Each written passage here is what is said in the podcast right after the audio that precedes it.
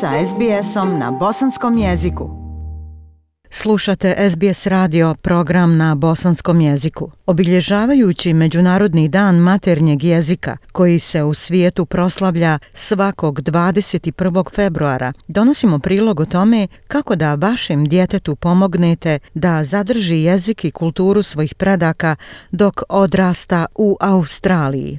Prilog Zoji Tomaidov. Prednosti dvojezičnog obrazovanja dobro su dokumentovane, ali iskustvo pokazuje da je prilagođavanje potrebama vašeg djeteta jedini način da utičete na njega u njegovanju sobstvenog kulturnog identiteta. Podaci iz popisa stanovništva otkrivaju da više od petine australskih domaćinstava govori jezik koji nije engleski. I dok svaki roditelj koji odgaja dvojezičnu djecu zna da učenje jezika može biti težak zadatak, istraživanja pokazuju da je to vrlo vrijedno truda. John Hayek, profesor lingvistike na Univerzitetu u Melbourneu, objašnjava zašto je to tako. We know that over the longer term Znamo da dugoročno gledano dvojezična djeca rade bolje u nastavnom planu, ali zapravo ima još toga, radi se o širem ličnom razvoju. Djeca razumiju razliku ljude oko sebe, razumiju sebe. Istraživanje pokazuje da se mala djeca, djeca od 4-5 godina, koja uče drugi jezik, da se više trude da budu empatična prema ljudima s kojima komuniciraju, više se trude da razumiju šta ljudi oko njih žele. Dakle, dvojezičnost ima zaista mnogo šire koristi za pojedinačno dijete i naravno ima velike koristi za društvo općenito. Za mnoge zajednice, kaže profesor Hayek, učenje jezika pomaže porodicama da prenesu kulturološko znanje na mlađe. Jezik i kultura su usko povezani za mnoge zajednice i postoje mnoge uspješne priče druge i treće generacije koje su uspjele naučiti jezik porodice, jezik baštine, kao i kulturu. Ali zaista je na zajednicama i pojedincima da shvate šta im je važno.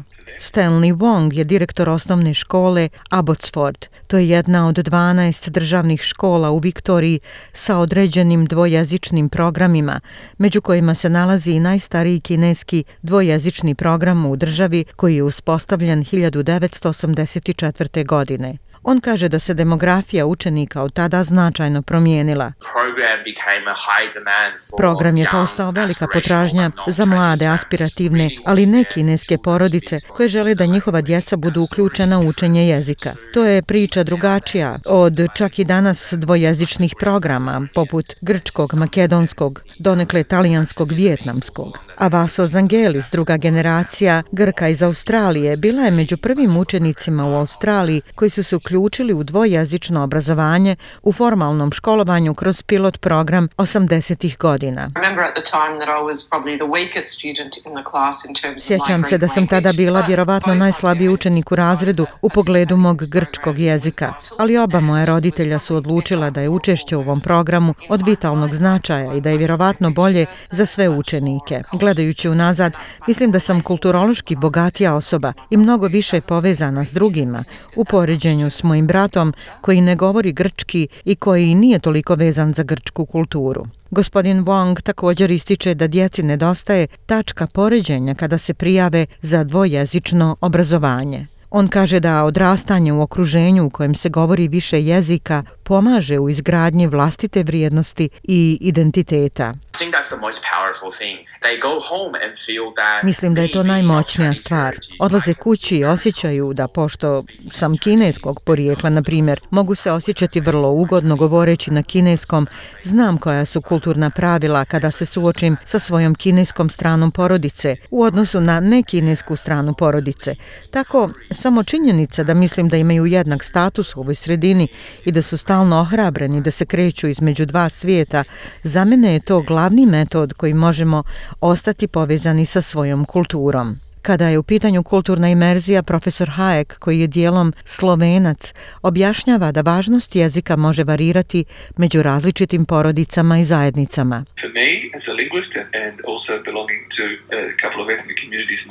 Za mene kao lingvistu koji sam pripadam nekoliko etničkih zajednica, jezik je zaista važan dio onoga što jesam i nešto što želim da mogu podijeliti sa svojom djecom, a što bake i djedovi moje djece žele učiniti. Tako, na primjer, u holandskoj zajednici ne postoji velika odanost jeziku, tako da i dalje možete biti holandžanin bez jezika. Postoji i druge stvari koje možete učiniti koje podržavaju vaš holandski identitet. A za druge zajednice, kao što je grčka zajednica, naravno, veoma je različito. Jezik i religija usko su vezani za grčki identitet, za grčku kulturu. Gospođa Zangalis priznaje snažnu vezu njene zajednice između jezika i kulture.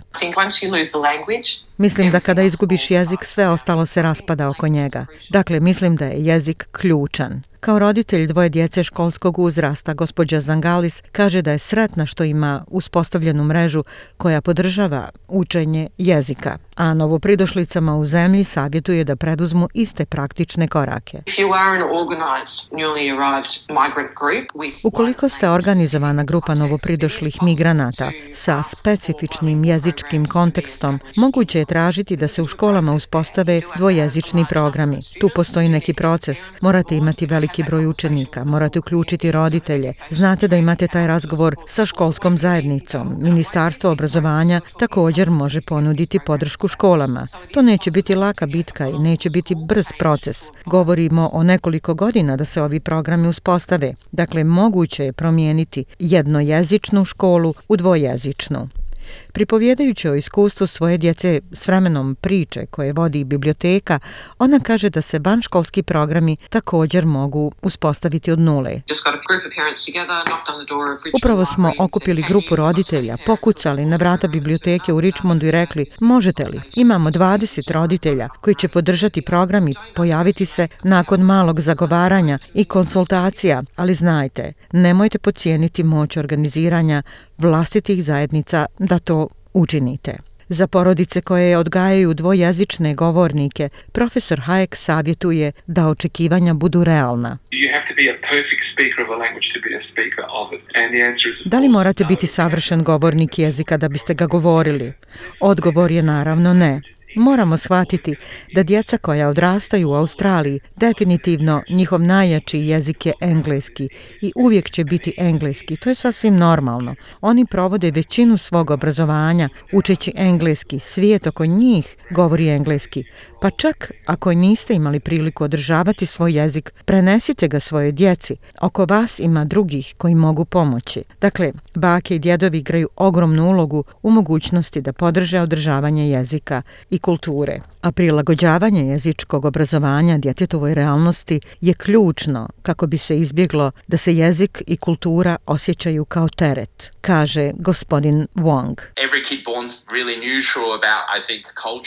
Svako dijete se rađa zaista neutralno u pogledu kulture i veza. I često se dešava da djeca nisu neutralna, već se zbog toga osjećaju negativno, a to je posljednja stvar koju želimo. I tako mislim da je most između škole i porodice to što možemo da njegujemo veoma pozitivan stav. Postoji važna stvar koju roditelji i nastavnici moraju prepoznati. Ako vaše dijete odrasta u Australiji, jezik koji će učiti treba da odgovara svrsi australske stvarnosti. Mislim da je vještina koju će razviti ona zona u kojoj mogu prijatno izraziti sebe i australsku stvarnost u kojoj žive, kaže gospodin Wong. Ja sam Aisha Hadži Ahmetović. Ostanite uz SBS radio na bosanskom jeziku. SBS na bosanskom. Podijelite naše priče preko Facebooka. Želite poslušati još ovakvih priča? Slušajte preko Apple podcasta, Google podcasta, Spotify ili kako god da primate svoje podcastove.